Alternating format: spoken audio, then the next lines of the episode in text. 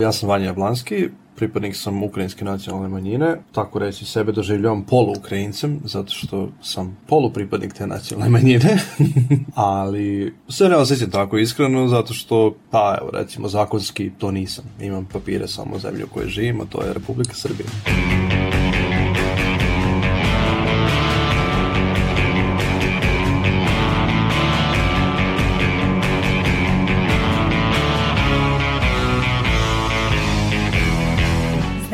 Slušate podcast Reaguj nezavisnog društva novinara Vojvodine. Moje ime je Iva Gajić, a na ovoj emisiji rade i Nemanja Stevanović, Sanja Đorđević, Irina Čučković i Aleksandra Bučko. U ovoj epizodi pričamo o vidljivosti i značaju rada nacionalnih saveta. Da bi to uradili, prvo se okrenimo zakonodavstvu i brojkama. Vojvodina zbog svog istorijskog položaja obiluje različitim kulturama na što su građani ove pokrajine uvek bili ponosni. U Srbiji je od demokratskih promena 2000-ih počelo sa osnivanjem nacionalnih saveta nacionalnih manjina. Do 24. septembra 2020. godine registrovano je 23 nacionalna saveta nacionalnih manjina. Od ovog broja čak 17 registrovano je u gradovima i opštinama u Vojvodini. Međutim, da li pripadnici nacionalnih manjina i većinskog naroda znaju da oni postoje? Ako manjina znaju, koliko imaju poverenja u njih? Da li su nacionalni saveti i zajednice manjina otvoreni prema ostalima? Ovo su neka od pitanja koje obrađujemo u 47. epizodi podcasta Reaguj. Lara, Ivana, Vanja, Marko i Igor pripadnici su rusinske, ukrajinske, mađarske i bunjevačke nacionalne manjine. Zovem se Lara Petković, imam 20 godina i pripadam rusinskoj nacionalnoj manjini. Lara je devojka s kojom smo razgovarali o značaju nacionalnog saveta. Ona kaže da o njegovom radu ne zna mnogo, te i da ne osjeća da oni brane prava rusinske nacionalne manjine. E, pa znam da zastupa interese nacionalne manjine u nekoj državi. Moram da priznam da ne znam baš jako detaljno o čemu se radi, nisam baš previše u toku, ne pratim, ali znam otprilike čime se bavi. Mislim da više rade iskoristi. Naravno uvek ima izuzetaka, ali mislim da većina radi iskoristi i da više papirološki nekako obavljaju posao. Nemam osjećaj da brane bilo kakva prava. Ja sam Vanja Jablanski, pripadnik sam ukrajinske nacionalne manjine, tako reći sebe doživljavam polu-ukrajincem, zato što sam polupripadnik te nacionalne manjine. ali se ne osjećam tako iskreno zato što, pa evo recimo zakonski to nisam. Imam papire samo zemlju u kojoj živim, a to je Republika Srbija. Nisam se pronašao zato što konkretno nikad nisam imao neku priliku da saznam šta se to konkretno dešava, kakve su to manifestacije. Jedino što znam je za taj ukrajinski bal koji se održava svake godine ili par puta godišnje čak u nekim gradovima Sremskoj Mitrovici, Kuli i tako neki od članova moje porodice su to posećivali, mislim da i dalje posećuju, mhm. ali to mi je onako nekako kao jedna velika proslava ničega, svi se tu okupimo zajedno, jedemo, pijemo, igramo, ko slava u Srbiji, samo što je mhm. organizovano od strane eto, jedne zajednice. Ovo je Vanjin odgovor na pitanje da li se pronalazi u nacionalnoj zajednici kojoj pripada ili polupripada, kako kaže. Jablanski je zapravo u jednoj grupi građana koji je svestan da on jeste pripadnik nacionalne manjine, ali se u njoj ne pronalazi i nije aktivni član. Objašnjava da kao mali nije imao preveliku želju da se uključi u aktivnosti zajednice, a sada se ne pronalazi makar u onim aktivnostima za koje zna da postoje. A šta je sa nacionalnim savetima, kao organima koji bi trebalo da rade na očuvanju zajednice? Ne znam zbog čega postoji i čime se oni bave i šta rade. Moja predstava o tome da oni eto, organizuju tako neke mini festivale ili mini događanja, dešavanja, te po navodnim znacima balove, tako reći igranke, ali konkretno šta oni rade za nacionalnu manjinu, ne znam. Nisam upućen, niti sam bio skontaktiran od strane nekog od njih, Tako sam isto ja mogao da odem na njihov sajt, da zovem, da grebem, da se pridružim, da nešto uradim. Nisam, zato što iskreno mislim da je gubljenje vremena, zato što kada odete na sajt vidite samo neke konkurse za nešto, za neko sufinansiranje, čega, koga, gde, ne vidim ikakve plodove toga. Da čujemo kakvo je stanje u još po nekim nacionalnim manjinama, odnosno savetima. Igor Išpanović pripadnik je Bunjevačke nacionalne manjine. On smatra da Nacionalni savet Bunjevaca ne radi dovoljno u korist svojih građana. Međutim, Išpanović izdvaja primer dobre prakse. Pa ako bih se vodio onom logikom koja je često prisutna u Srbiji, rekao bih da se bave tim problemima i pitanjima samo na papiru, da ono, ne mrda odatle, ali opet bilo je nešto nedavno, sad ne znam koliko su oni imali ulogu u tome, ali da su uh, da je bunjevački u procesu ili je postao četvrti zvaničan jezik u Subotici. Tako da možda nije samo slovo na papiru, ali sad opet koliko je bilo potrebe za tim, to je druga stvar.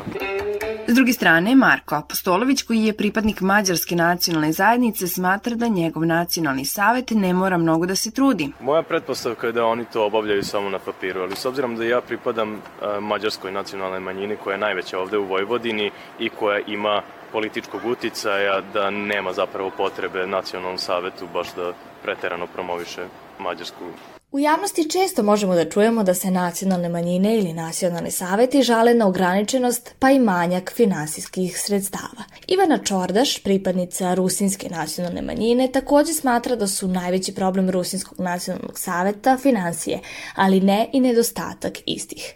Ona ističe da raspodela novca, ali i transparentnost samog budžeta predstavljaju problem. U principu, što se tiče financija, ja mogu kažem da postoje tu problemi, ali ne postoje problemi u smislu da nacionalni savet nema para, nego da nacionalni savet uh, ne kontroliše kako tačno, uh, kuda tačno financije idu, uh, zato što mislim da tu nije nije više do toga, nije više do toga stalo da, da Rusinima bude bolje ili bilo kojoj drugoj nacionalnoj manjini, a, nego prosto mislim da su, na primer, budžet za, za omladinu je jako siromašan, iz ne znam kog razloga, ali to je određeno preko projekata koji, koji, koja grupa omladine piše i mislim da, da sa financijama mi nećemo imati ni, nikakav pomak, niti ćemo mi imati u vidu financije, tačne financije šta oni rade. Tako da mislim da to jeste najveći problem i to što e, se jedno govori, drugo se radi i što mi nemamo tačan uvid u sve dokumente. Mislim, na njihovom sajtu, na, svim sajtu, na svakom sajtu nacionalnih manjina ima tačno šta se radi, kako se radi, ali ja nisam sigurna da su to svi dokumenti koji, koji oni imaju. Kada je rekla da neće imati uvid u financije, istakla je jedan veliki problem, koji jeste naša današnja tema – transparentnost rada nacionalnih saveta. Možemo da uočimo jedan zajednički problem koji su istakle naše sagovornice i sagovornici, da nacionalni savet radi radi reda i pretežno papirološki, te da se ne bavi pravima nacionalne manjine. Zapravo Iva, možda je i do komunikacije problem. Komunikacija između saveta i građana bi trebalo da bude bolja, barem tako misli Igor Išpanović. Možda bi trebalo da izađu van te svoje zone komfora, to je drugim rečima da se okreni ka drugim građanima koji možda nisu pripadnici bunjevačke nacionalne manjine, ali možda su zainteresovani za ta pitanja, a i s druge strane dobili bi tako na veće pokrivenosti i veće vidljivosti, da mislim da je ono izlazak iz toga, ok, bave se pitanjima problema bunjevaca, ali opet ovaj, deo, oni su deo jedne lokalne zajednice, tako da ne mogu biti izuzeti iz toga. Iskustvo Vanje Jablanskog u vezi sa osjećajem pripadnosti, ali i sa poznavanjem rada Nacionalnog saveta koji bi trebalo da ga zastupa je interesantan. On je svestan da ne poznaje dobro zajednicu čiji je član na osnovu porodičnog porekla, ali ne zna ni na koji način bi mogao u nju da se uključi. Tu je naravno čitav splet okolnosti u pitanju. Sa jedne strane su slabije informacije koje su njemu vidljive od strane Nacionalnog saveta, a sa druge je njegova volja da se zaista uključi. Malo je to sve postalo banalno. Neke nacionalne manjine jesu veoma dobro zastupljene.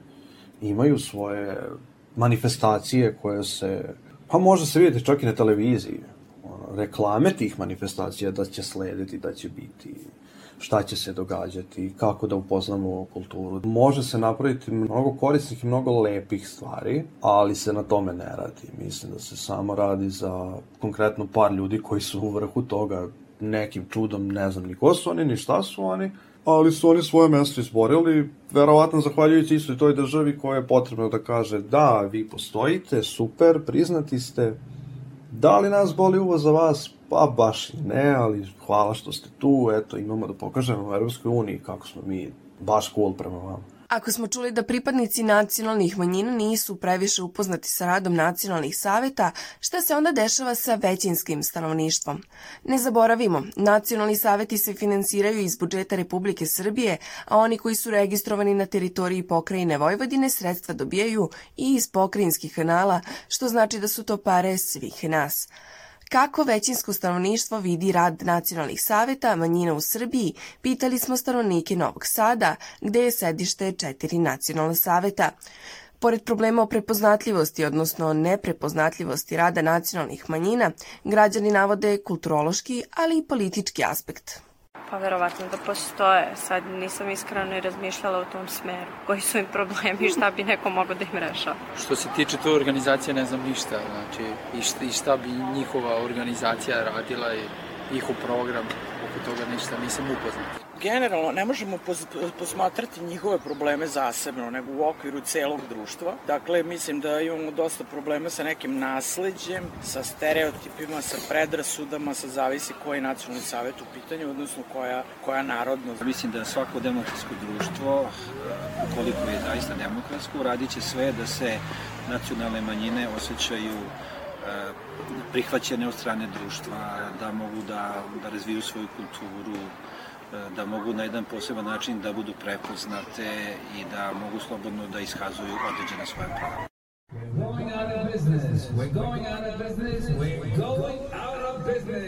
E, sada bi zapravo trebali da uključimo i ostale sagovornike na ovu temu. Vidimo da su problemi poput komunikacije ključni kada je u pitanju vidljivost rada nacionalnih saveta. Kulturolog Miroslav Keveždi govori upravo o tome, U suštini, u pitanju su dve publike. Većinsko stanovništvo i sami pripadnici nacionalnih manjina. Keveždi smatra da je ipak važnija ova druga publika. Može se isto govoriti e, i o dve publike, rekao bih generalno. Dakle, to je pitanje vidljivosti nacionalnih saveta za širu društvenu zajednicu i pitanje vidljivosti nacionalnih saveta za pripadnike njihove nacionalne zajednice. Mislim da je važnija ova druga, zato što su tu oni koji bi trebali da budu korisnici usluga nacionalnog saveta. Međutim, mi već više od deceniju imamo tu situaciju da korisnici ne znaju šta su nacionalni saveti, ne znaju čemu to služi, zapravo neka korist na kraju ne prepoznaje. Tako da i ako se odluke pojavljuju negde na internetu, pitanje je zapravo da prepoznaje tu nešto interesantno za sebe. Pojedini pripadnici nacionalnih manjina su aktivni u svojoj zajednici, dok drugi, a to smo videli na primjeru Vanja Jablanskog, tu pripadnost ne osjećaju.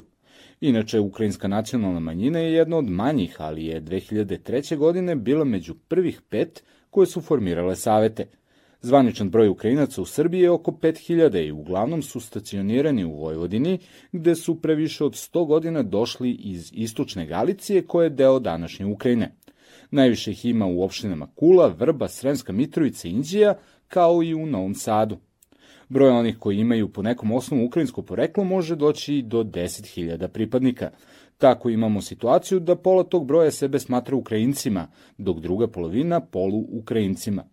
Miroslav Hoček iz Nacionalnog saveta Ukrajinske nacionalne manjine navodi da ovaj osjećaj nepripadanja, koji smo čuli na primjeru Jablanskog, proizilazi iz asimilacije koja je za svaku manjinsku zajednicu u Srbiji veliki problem. Problematika je, mislim, uopštena kao za sve. Naravno, asimilacija broj jedan, neznanje jezika, jer samim tim e, čim to krene, onda tu e, je problem sa svešću pripadnosti e, nacionalnoj zajednici i uglavnom na tome treba sad najviše da se radi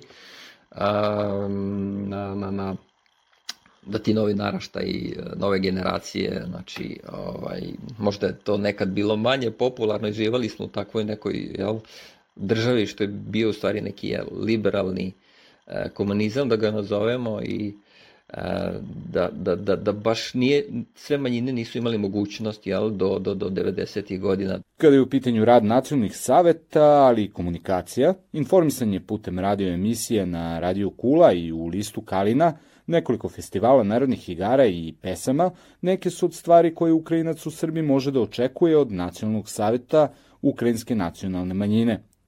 Hoček podvoči da je to više za zajednicu i za promovisanje same ukrajinske kulture drugim ljudima. Prema njemu, pojedinci jedino što mogu da očekuju da nacionalni savet uradi za njih jeste da im obezbedi u školama učenje jezika – Nažalost, samo u nekoliko škola gde je ukrajinska zajednica okupljena. Nacionalni savet je više radi sa tim ukrajinskim organizacijama i udruženjima, radi u oblastima znači, obrazovanja, informisanja, kulture. Šta pojedinac u stvari može da dobije znači, preko tih organizacija koje postoje, e, ukrajinskim udruženjima i ostalim institucijama E, to jest, e, u, ako gledamo obrazovni sistem, znači u Vojvodini u nekoliko osnovnih škola postoji mogućnost da deca uče izborni predmet ukrajinski jezik sa elementima nacionalne kulture, što onda jel, automatski može da se izvuče kao da je to eto šta pojedinac ima od toga, to je njegova deca imaju mogućnost. Kada su u pitanju neke druge nacionalne zajednice, Ivana nam je rekla da se Rusinski nacionalni savet brine o studentima i učenicima preko stipendija. Uglavnom su to oni koji su na neki način povezani sa rusinskim jezikom, kulturom i tradicijom, ili su srednjoškolci u gimnaziji koji održava nastavu na rusinskom jeziku. Što se tiče mene kao studenta, mogu da kažem da Rusinski nacionalni savet brine o studentima, znači daje stipendije studentima, daju stipendije srednjoškolcima, takođe za osnovnu školu se sada u poslednjih par godina obezbeđuju učbenici na rusinskom jeziku, iako Rusini polako u Vojvodini nekako se umanjuju i sve nas manje ima, ali mislim da nas nacionalni savet nekako drži, drži na okupu ali smatra da je fokus rada Nacionalnog saveta zapravo na očuvanju kulture. Ipak ona ističe da se na pozicije u ovoj instituciji dolazi preko veze, možemo da kažemo da je opet u pitanju manjak transparentnosti. Uglavnom, Nacionalni savet se sada više fokusira na neke kulturološke promene u našem društvu, tačnije kroz kulturu nas povezuje i kroz kulturu nas drži da budemo zajedno. Znači što je muzika, što je književnost, e, literatura, naravno i što se tiče informisanja, takođe i tu se mnogo, mnogo popravilo. Znam da je bila samo smena predsednika Rusinskog nacionalnog saveta i znam da je sada, lično konkretno ja sam trebala da budem deo jedne grane nacionalnog saveta koji se bavi sa omladinom, međutim to se nije desilo iz razloga što jednostavno su došli neki ljudi koji su ili rođaci u nacionalnim savetima i tako dalje i ja sam jednostavno odustala od toga i apsolutno me više ne zanima ništa što se tiče nacionalnog saveta. Ja sam ponosna što sam Rusinka, ali što se tiče sve te dokumentacije i celog tog sistema tamo mi se jako ne sviđa, Vidljivost, transparentnost, komunikacija. Miroslav Hoče kaže da svaki Ukrajinac može da se obrati nacionalnom savetu, ali ističe da nije bilo u poslednje vreme javljanja, pa smatra da nekih problema nema. Pojedinac može da se obrati znači, ako ima neki problem nacionalnom savetu, ali ja mislim da to do danas nešto, baš puno ljudi nešto nije iskorišćavalo, izgleda da, da bilo, nije bilo nekih problema. Pojedinci mogu da se obrate nacionalnim savetima. Samo je pitanje načina i koliko je u istinu taj savet dostupan malom čoveku. Keveždi mi je u razgovoru spomenuo i primer Slovaka. Kod njih je nacionalni savet centralizovan, nalazi se u Novom Sadu. Međutim, 33 opštine su važne za ovu nacionalnu zajednicu, što znači da Slovaka ima u 33 opštine u Srbiji. Zato Keveždi i postavlja pitanje koliko je verovatno da će jedna osoba iz Kovačice da sedne u auto kako bi došla u Novi Sad da priča o lokalnom problemu. Zapravo, on napominje da je i sam zakon o nacionalnim savetima nacionalnih manjina donet na loš način po same nacionalne manjine i da je potrebno korigovati ga, da bi nacionalni saveti bili prepoznati kako među svojim nacionalnim manjinama, tako i prema drugim građanima u državi. Kad je donošen zakon o nacionalnim savetima, nacionalnih manjina, nacionalne manjine su vrlo slabo pitane o tome kako one vide taj, taj sistem I iako je bilo nekih predloga da se sistem drugačije uredi, to nikako nije stiglo do onih koji su do kraja uredili to pitanje. Primer jeste taj da je recimo Goran Bašić još neke 2007. koliko se ja sećam, govorio o tome da je potrebno da se nacionalni saveti kreiraju prvo na lokalnom nivou, pa onda od tih lokalnih saveta da se kreiraju neki krovni saveti. Dakle, ako Rusini žive u 8 opština i 10 mesta, onda bi moglo da se napravi 8 ili 10 lokalnih nacionalnih saveta, pa da onda svako da po dva predstavnika, imate krovni savet od 20 članova. Dakle, vrlo sličan po broju, ali potpuno različit po zastupljenosti. Jer onda bi recimo predstavnik iz Kucure Vrbasa Novog Sada mogao da ode kod svoje komšije i da ga pita, e, šta vi tamo radite? Da li ja mogu nešto da uradim za svoju porodicu, decu, starije, šta god, iz područja kulture, obrazovanja, informisanja, službene upotrebe jezika. Međutim, to nije tako urađeno i ostavljeno jednoj lutriji, gde je zapravo potpuno neizvesno ko će se pojaviti u nacionalnom savetu, Dakle, bira se kao lokalna samouprava, kao neka opština, kao političko telo, a ono se bavi kulturom. Svoj stav on obrazlaže i na sledeći način. Ako nemate lokalnu tačku na kojoj ćete moći da se obratite, ako to nije prava kancelarija nacionalnog saveta ili lokalni nacionalni savet, onda zapravo nemate mogućnost da komunicirate sa nekim ko je negde u nekom centru. A nacionalni saveti su izuzetno centralizovani, tako da se vidi i da u arhitekturi samih nacionalnih izbora, dakle, treba da se promeni mnogo toga da bi komunikacija bila bolja. S tim što ja ponovo naglašavam, nije samo od stvar u tome se otvori kanal komunikacije, nego s kim ćete komunicirati. Da li tamo postoji zaposlena osoba? Kod malih nacionalnih saveta prvo nema sredstava, drugo, onaj koji je izabran da bude recimo predsednik odbora, nema motivaciju osim svoje dobre volje da bude na raspolaganju, a to da bude na raspolaganju za teške reči i kritike je teško da će neko da izdrži dugo da, da tako funkcioniše, Tako da, kao što sam rekao, idemo prema jednom sve veći i veći zapravo nefunkcionalnosti nacionalnih saveta, nacionalnih manjina. To su lokalne tačke čiji izostanak očigledno fali, ali moramo na kratko da se okrenemo i drugoj strani komunikacije, komunikacije nacionalnih saveta sa organima vlasti. Hoček navodi da Nacionalni savet Ukrajinske nacionalne manjine ima dobre odnose sa državnim i pokrajinskim organima u Srbiji, od pokrajinskog sekretarijata zaduženog za nacionalne manjine preko Ministarstva državne uprave i lokalne samouprave koje je zaduženo za rad nacionalnih manjina, pa do pojedinih ministarstava kao što su Ministarstvo kulture i Ministarstvo za inovacije i tehnološki razvoj. Za mnoge manjine komunikacija se ne završava na pokrajinskom ili republičkom nivou, jer mnoge zajednice imaju matičnu državu koja im pomaže, a pomoć matične zemlje, Ukrajine, Jablanski vidi kroz pomoć ambasade. Ambasada bi morala da se pozabaviti time isto, ako žele uopšte da zastupaju svoj narod ovde, narod koji se tako izjašnjava, da urade nešto. Evo, banalan jedan primer, pre par godina u Novom Sadu je gostovao, to je u celoj Srbiji, band 101A iz Japana. Oni su skupljali pare preko Indiegogo-a da bi došli u Srbiju, pošto jako vole Srbiju i kulturu i sve. I želeli su da naprave par besplatnih koncerata za državljanje Srbije i nastupali su na kraju krajeva, zadnji koncert im je bio na Exitu. U Novom Sadu su imali tri koncerta. Dve noći za redom su svirali u klubu, koji je bio poluprazan, niko nije ni čuo za njih, niti su znali da su tu, ali japanski ambasador je donirao pare koje su im nedostajale da bi se uopšte taj put ostvario, pošto nisu uspeli da skupe dovoljno novaca, naravno za put pet članova benda ili četiri, ne znam koliko ima opremu i sve iz Japana, čovjek je platio, čisto da ih dovede, da oni upoznaju našu kulturu, da mi upoznamo njihovu kulturu.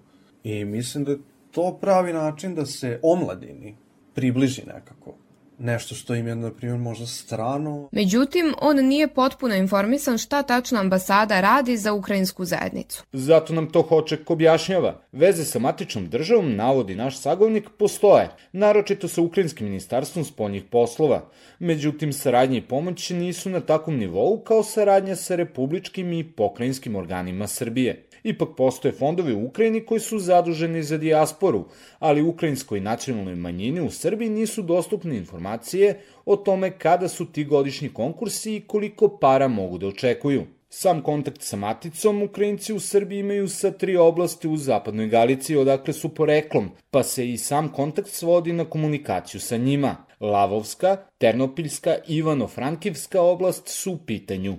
Ukrajinska zajednica uh, direktno koristi te neke kontakte iz Ukrajine koje ima uh, i, i tako kreće ta saradnja. A naravno imamo i, uh, mislim, to se podrazumeva da je saradnja i sa ambasadom Ukrajine, ali uglavnom, znači, svi kontakti koji i saradnja sa Ukrajinom, to je uglavnom a, direktno, znači, organizacija sa organizacijom, institucija sa institucijom ili preko nekih privatnih kanala veza, poznanstava koje ima jel, neki pojedinac. Tako.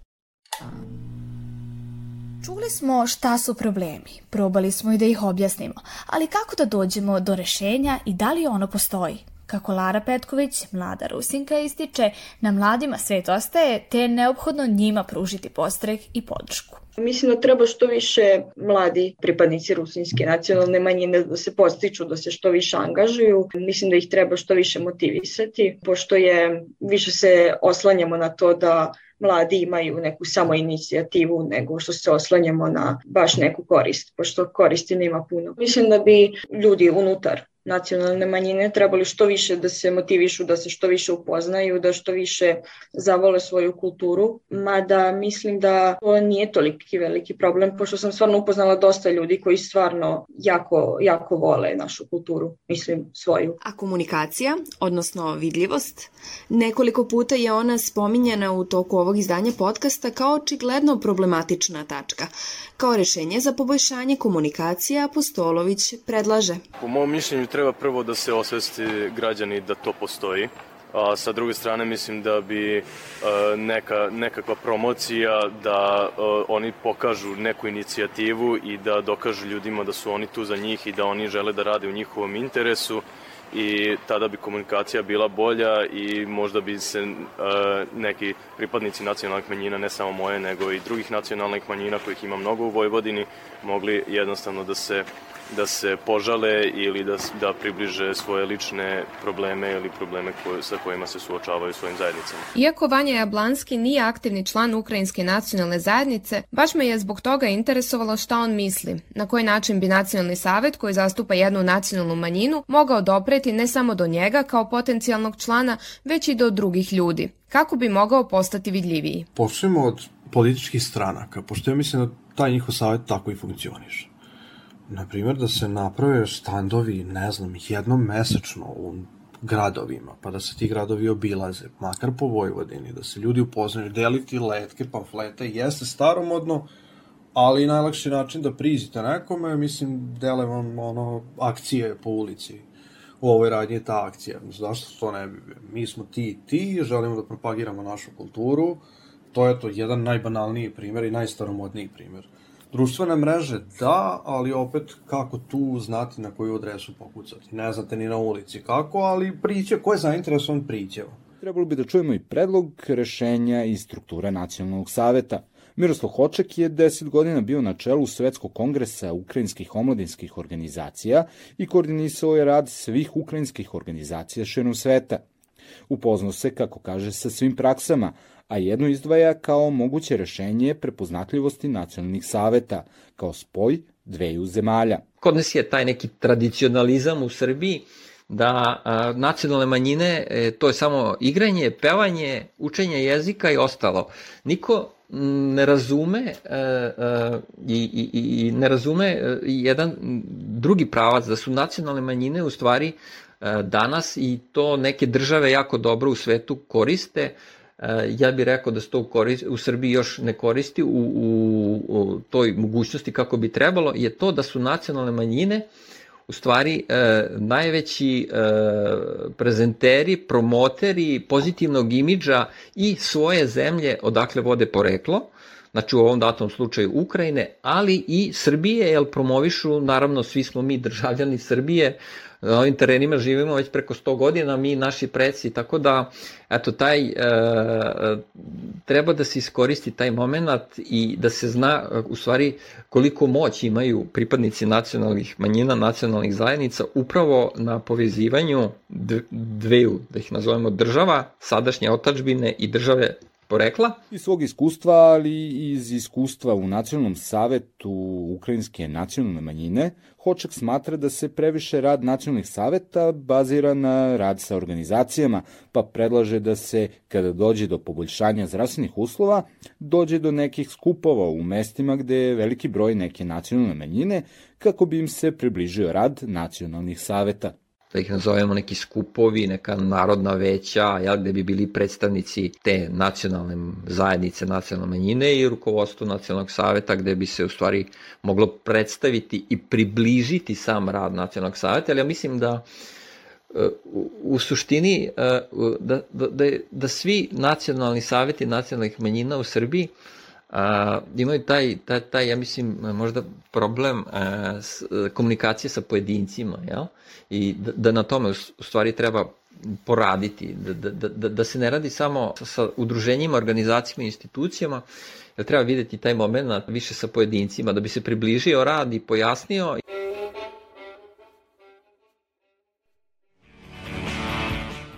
Svakako vidimo da je vidljivost rada nacionalnih saveta ili manjak te vidljivosti usko povezan sa problemom komunikacije, getoizacije, predstavljanja u javnosti.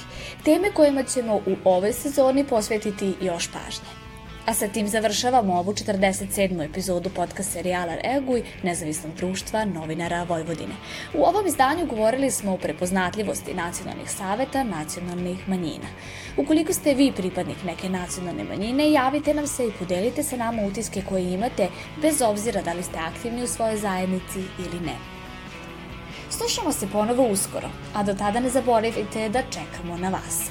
Možete nas pratiti na društvenim mrežama, Facebooku, Twitteru, Instagramu i TikToku, a mi čekamo vaše komentare i predloge tema i to na adresi podcast.ndnv.org. Naš rad možete pratiti na kanalima na iTunesu, Stitcheru, Castboxu, Sounderu, Spotifyu, Google podcastima, kao i na sajtu podcast.rs.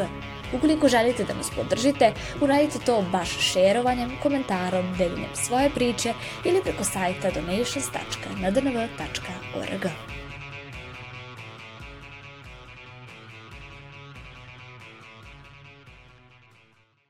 Ova epizoda podcasta Reaguj je pripremljena uz financijsku podršku Evropske unije i Saveta Evrope. Stavovi izraženi u njemu ni na koji način ne odražavaju zvanično mišljenje bilo koje strane.